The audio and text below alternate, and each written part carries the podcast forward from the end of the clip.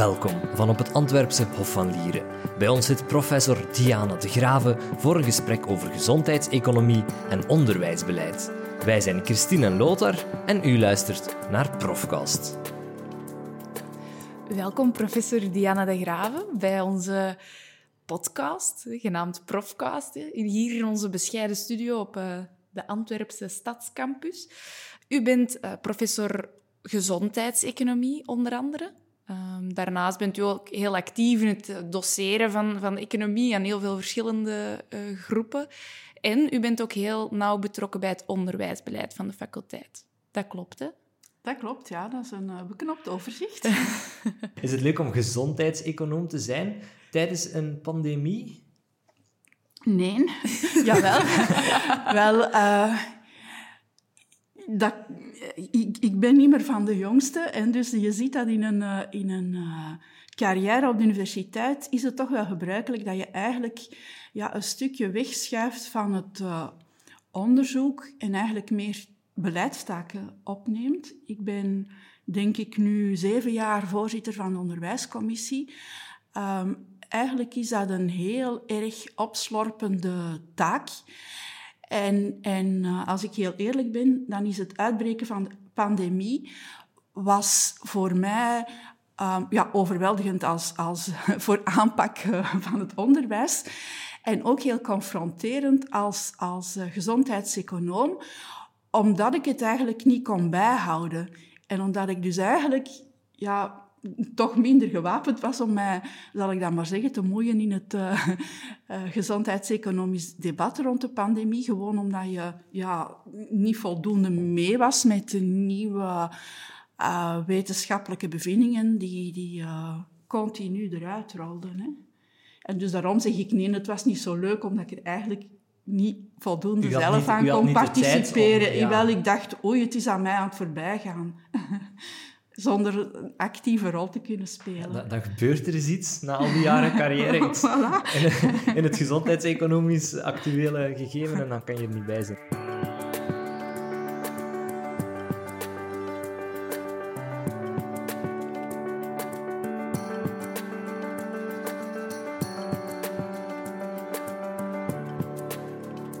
Wij hebben een artikel over jou gevonden van, ja, ondertussen elf jaar geleden, of ja, twaalf jaar geleden, uit 2009. En daar gaat het over een soort van ranking um, van um, landen uit de EU wat betreft hun gezondheidszorg. En toen deed eigenlijk ons zorgsysteem het niet geweldig goed, niet geweldig slecht. We vielen net uit de top 10. Ja, dus, dus het, het is uh, veel verbeterd ondertussen. Hè, omdat jullie het artikel doorgegeven hebben, heb ik natuurlijk eens nagegaan toch, hoe de evolutie uh, doorheen de tijd... Uh, ja, dat wilden wij ook weten. Hè? Wij wilden een heel, update. Heel, ja, ja, heel expliciet over die index uh, geëvalueerd is. Geëvalueerd is. En dus goed nieuws. Dus we zitten nu in de top vijf. We zijn net op de vijfde plaats gekomen.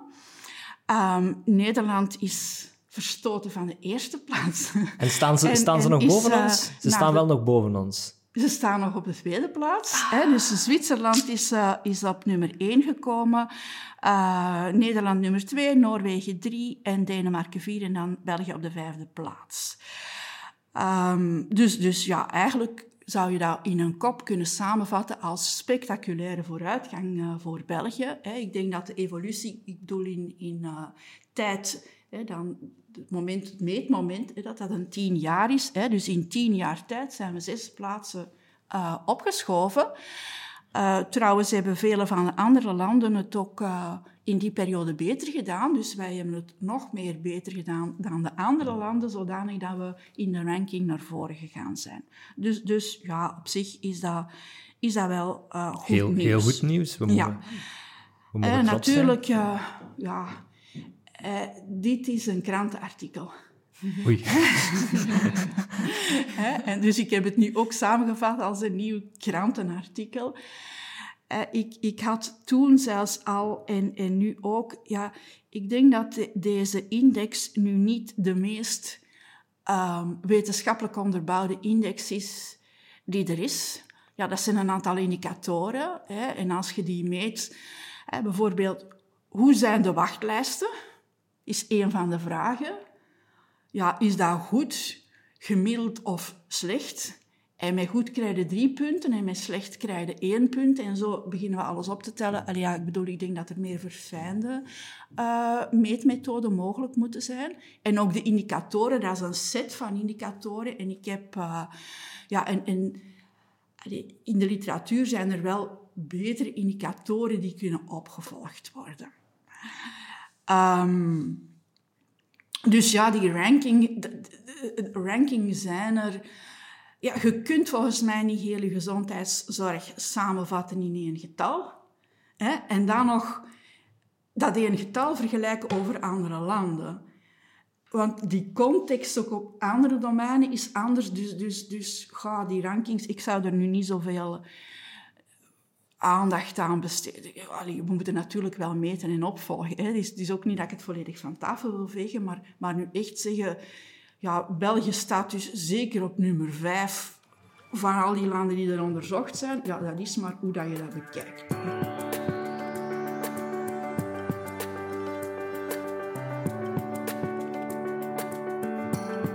We vroegen Diana de Graven naar de werkpunten van de huidige gezondheidszorg in België. Uh, mentale gezondheidszorg, denk ik. Uh, ja. Iets dat ook wel extra aandacht nu ook heeft gekregen tijdens onze ja, tijdens deze gezondheidscrisis is dat toch wel steeds meer naar boven gekomen, ook in, in onze context, het mentale welzijn van onze studenten. Ja, ik denk dat wij vooral geconfronteerd zijn met het feit dat daar heel weinig aan gedaan is. Ja. En dus dat maakte mij ook mee wakker dat dat effectief iets is dat uh, toch altijd ja, een beetje stiefmoederlijk behandeld is bij ons. Um, en, en ja, waar dat, dat, ik denk eigenlijk dat nog heel veel uh, uh, stappen gezet moeten worden. Um, ik denk ook dat we op vlak van geneesmiddelenconsumptie nog, nog wel vooruitgang mogen maken. Um, daar zitten we toch nog altijd met heel veel consumptie. En dan een derde punt dat, dat, dat Waar ik nog wel naar zou willen kijken, of ik wil de andere punten ook, maar ik heb niet veel tijd niet meer om nog veel Goh, dingen wij, te wij doen. hebben echt nog veel tijd hoor. ja, ik kan natuurlijk wel nog tot 75 aan de slag, maar ik weet niet of dat, dat de bedoeling is. Ah, ah, je bedoelt, de komende, Maar- ah, je bedoelt dat je zelf niet meer veel Ah, tijd hebt om... Voilà, om, Ah, het, om, om, om het op te nemen als, als onderzoekspunt. Ah, oké, ik dacht, dacht voor de Eh, maar podcast. dus, dus Sorry. het meeste zin om, om eh, nog iets mee te doen is, is op het domein van de supplementen. En Eh, dus, eh, dus, een- eh, dus, dus eh, in België heb je eh, voor de. Als wij zorg consumeren, dus we hebben onze per prestatie financiering. En dus hoe zit dat in elkaar? Eigenlijk in overleg wordt voor elke prestatie een tarief afgesproken. Ja, tussen de verzekering en de zorgverstrekkers wordt er een vast tarief afgesproken. En er wordt ook bepaald het deel dat de patiënt daarvan zelf zal moeten betalen, het remgeld en het stukje dat terugbetaald wordt. Dus dat is allemaal perfect geregeld. Maar artsen kunnen daar bovenop. Ze, ze hoeven niet in alle omstandigheden ehm, het afgesproken tarief, het conventietarief, te respecteren. Ze kunnen ook nog daarbovenop supplementen aanrekenen.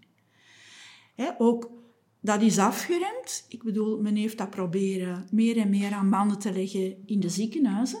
Dus in de ziekenhuizen is, is het stelselmatig verminderd in welke omstandigheden dat je supplementen mag aanrekenen. Dus, dus nu kan het nog altijd voornamelijk in, in eh, eenpersoonskamers, nog met extra voorwaarden, maar, maar ik bedoel in eenpersoonskamers. Maar dat is natuurlijk... En wat zie je dan nu eigenlijk? Ja, dat als je... Ik denk, als je dat afremt in meer en meer settings, ja, dat het eigenlijk gewoon eh, communicerende vaten zijn en dat de supplementen blijven aangerekend worden, maar in hogere, in hogere omvang. In die settings waar het nog wel kan natuurlijk, en dat is dan in geen persoonskamers. Maar wat ik even verontrustend vind, dat is dat, dat ik eh, het gevoel heb, maar dit is een gevoel, wordt eigenlijk onvoldoende goed geregistreerd, dat er ook meer en meer supplementen aangerekend worden in eh, de ambulante zorg. Dus ook daar uh, als je een niet geconventioneerde arts hebt, dan kan die supplementen aanrekenen. In principe moet je aankondigen in zijn wachtzaal of dat, dat, dat hij niet geconventioneerd is en dat hij supplementen aanrekent. Nu, ik maak daar een... Ik, ik, vraag aan iedereen of dat ze dat... Iedereen in mijn dichte en, en verre familie die een arts consulteert, die moet wachtzaal inspecteren of het aangekondigd is. Wel, dat is haast nergens aangekondigd. Niemand weet ook, of heel weinigen weten dat ze die betalen, die supplementen. Dus ik kijk ook standaard bij zoveel mogelijk mensen na. Wat is het uh, conventietarief en hoeveel heeft die arts dan effectief aangerekend? Staat dat, is dat vermeld op het ziektebriefje of heeft hij dat gewoon aangerekend? En dus ik zie daar, ik zie daar mogelijk problemen.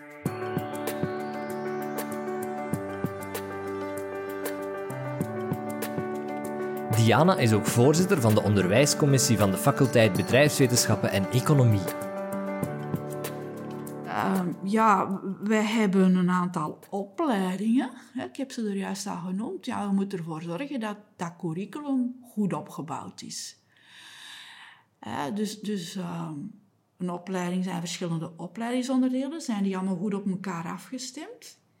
En op het einde van de rit, het geheel, dekken we dan af wat we zouden willen afdekken. Allee, wat willen we nu dan? Dat een handelsingenieur de, op het einde van de rit, de competenties die hij moet realiseren, welke zijn dat, denken we?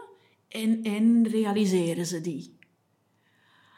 Dat is eigenlijk het stukje dat je gaat proberen te doen. en dan natuurlijk ja, ook altijd kijken naar verbeteringen.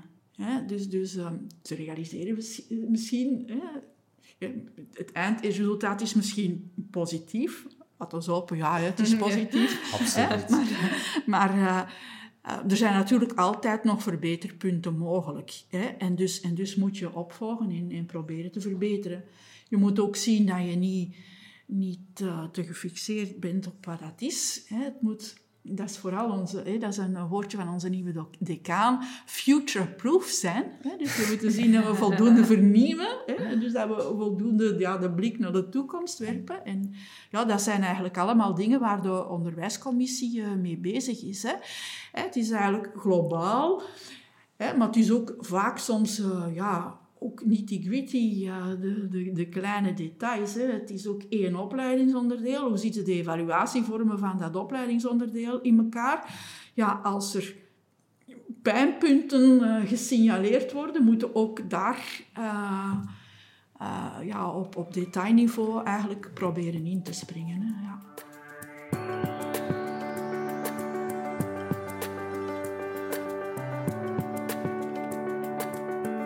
Corona bracht heel wat uitdagingen met zich mee, ook voor Diana en haar team. Je, je mag het aan iedereen vragen. Ik denk dat de eerste reactie altijd is: we hebben nu een switch gedaan naar dat online gebeuren. Hè? Dit is een schokeffect. Iedereen is in het online gebeuren moeten stappen. We hebben daar iets gerealiseerd dat we op geen enkele andere methode, op geen enkele door, door geen enkel ander initiatief zouden we meteen zoveel mensen meegekregen hebben. Ja. En dus sommigen gaan daar iets geproefd hebben dat in ligt. Die anders misschien niet de stap gezet hebben, die hebben nu een eerste stap gezet en, en die gaan gestimuleerd zijn om daarmee verder te gaan. En dat denk ik dat dat heel positief is voor de toekomst. In de toekomst gaan we meer blended vormen hebben, waarbij ja, hetgeen dat we nu geleerd hebben in, in de corona-overgang, dat we gaan meenemen naar de toekomst. Dat zal, het zal een mix zijn van onderwijs op de campus en van uh, ook, ook online, uh, online vormen. En niet iedereen gaat in dezelfde mate meedoen, maar er gaat een grote stap vooruit gemaakt worden en daar gaan we echt verbetering. Allee, we gaan, dat zie ik als een heel positieve evolutie. Ik denk dat die er ook zou geweest zijn zonder corona. Ik denk dat die er alleen... Want we waren er al mee bezig. Maar we hebben nu meer mensen um, over de streep getrokken en dus het gaat sneller gaan. En dus dat is iets... daar zie ik eigenlijk geen probleem in. Dat is een voordeel van corona.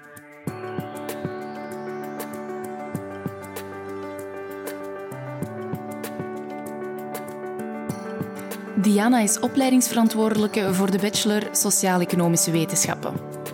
Mijn hart ligt bij sociaal-economische wetenschappen. Ik, ik heb zelf... Uh, uh, ja, eh, toen, toen, bestond zelfs economisch beleid nog niet, maar, maar ik bedoel, in, in huidige termen zou ik economisch beleid gevolgd hebben.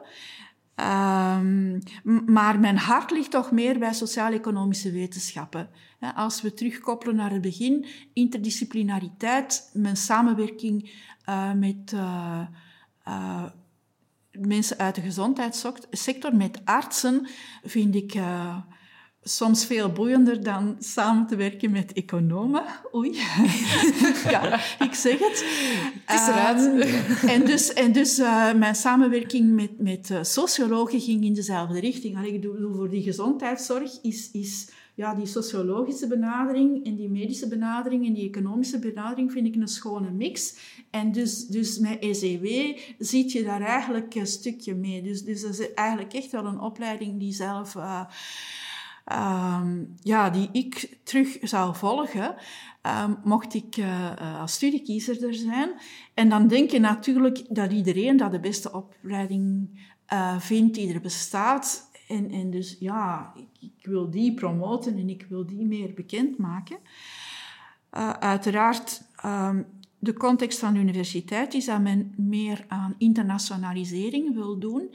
En daarbij ook voornamelijk op bachelorniveau uh, beginnen mee te spelen, want daar stonden we eigenlijk nog nergens, ja, dan, dan leek mij uh, sociaal-economische wetenschappen vanuit uh, praktisch oogpunt, of, of uh, vanuit praktisch is misschien niet de juiste term, vanuit haalbaarheidsoogpunt een zeer goede keuze, omdat je die opleiding ondersteunt vanuit twee faculteiten. En dus in, in dat op, zicht is het, uh, ja, heb je een breder uh, draagvlak binnen de universiteit om, om ja, er de schouders achter te zetten om van een nieuwe Engelstalige opleiding, waar niemand ervaring mee had, om er iets van te maken. Dus, dus ik zag dat altijd uh, als zeer interessant voor, voor, om net sociaal-economische wetenschappen als eerste bachelorproject naar voren te schuiven. Ja, en het tweede uh, aantrekkelijke van de bachelor sociaal-economische wetenschappen is dat je daar kunt uh, gaandeweg gaan diversifiëren. En dus, dus uh, ofwel meer in de richting van sociologische, politicologische richting uitgaan, of de meer bedrijfskundige richting kan uitgaan, of de, meest, de meer zuiver economische richting kan uitgaan. En dus voor die specialisering was er al wat Engelstalig aanbod. En dat kan je dus onmiddellijk zo ook gebruiken in die nieuwe Engelstalige bachelor. En je opent toegang tot meerdere masters in het Engels die wij al aanbieden in de faculteit. Dus dat was een, een tweede um, voordeel, denk ik, om, om uh, te starten met, met de bachelor uh, sociaal-economische wetenschappen.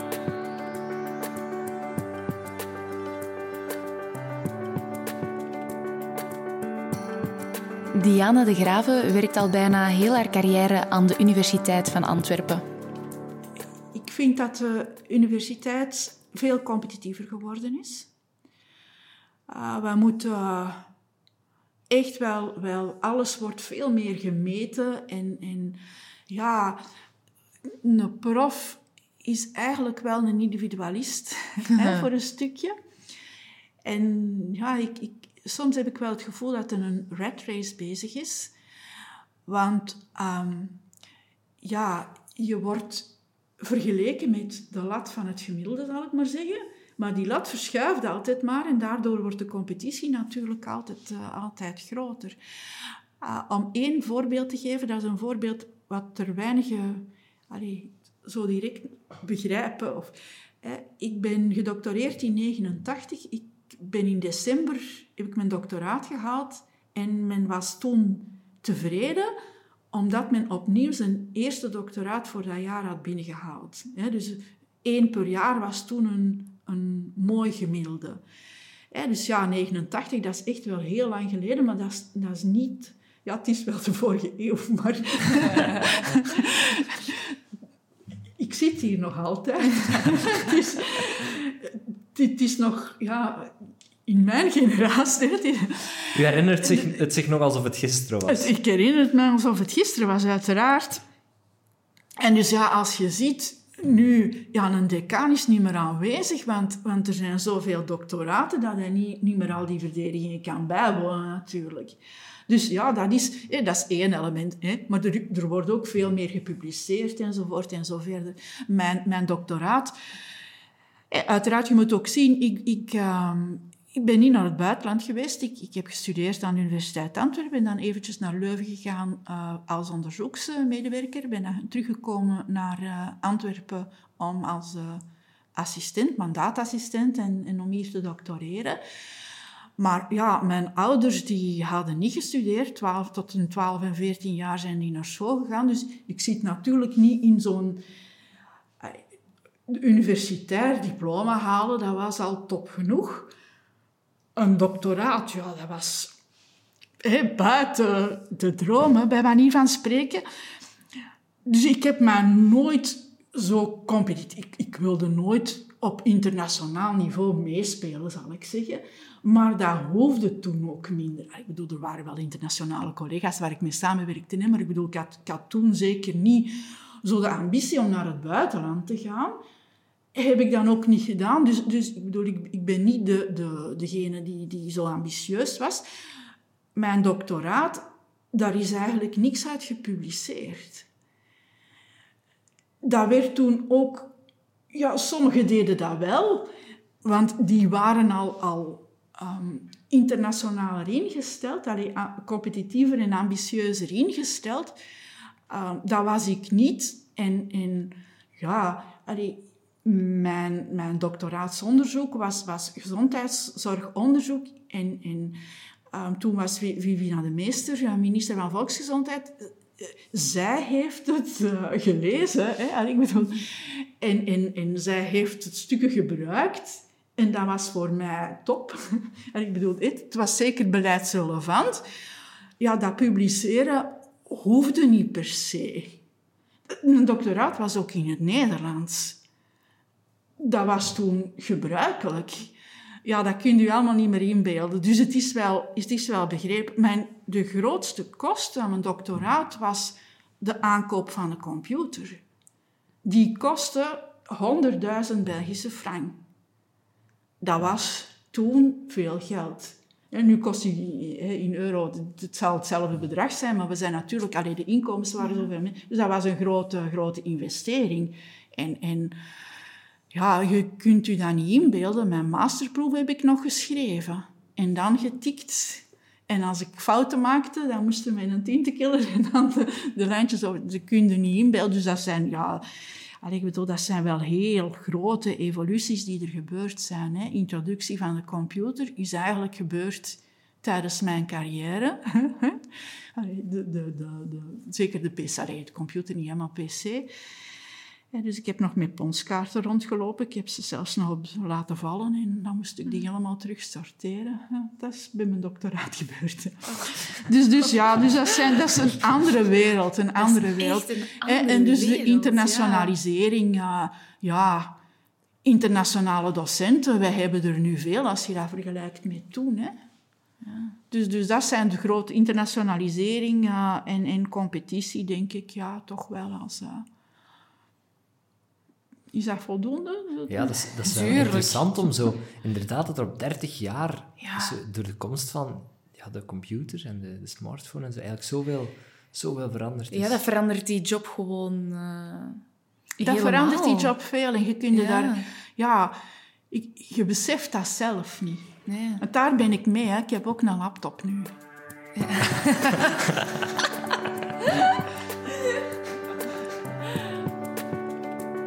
Dit was Profcast met Diana de Graven. Bedankt voor het luisteren. Wil je meer horen? Surf dan naar uantwerpen.be-profcast.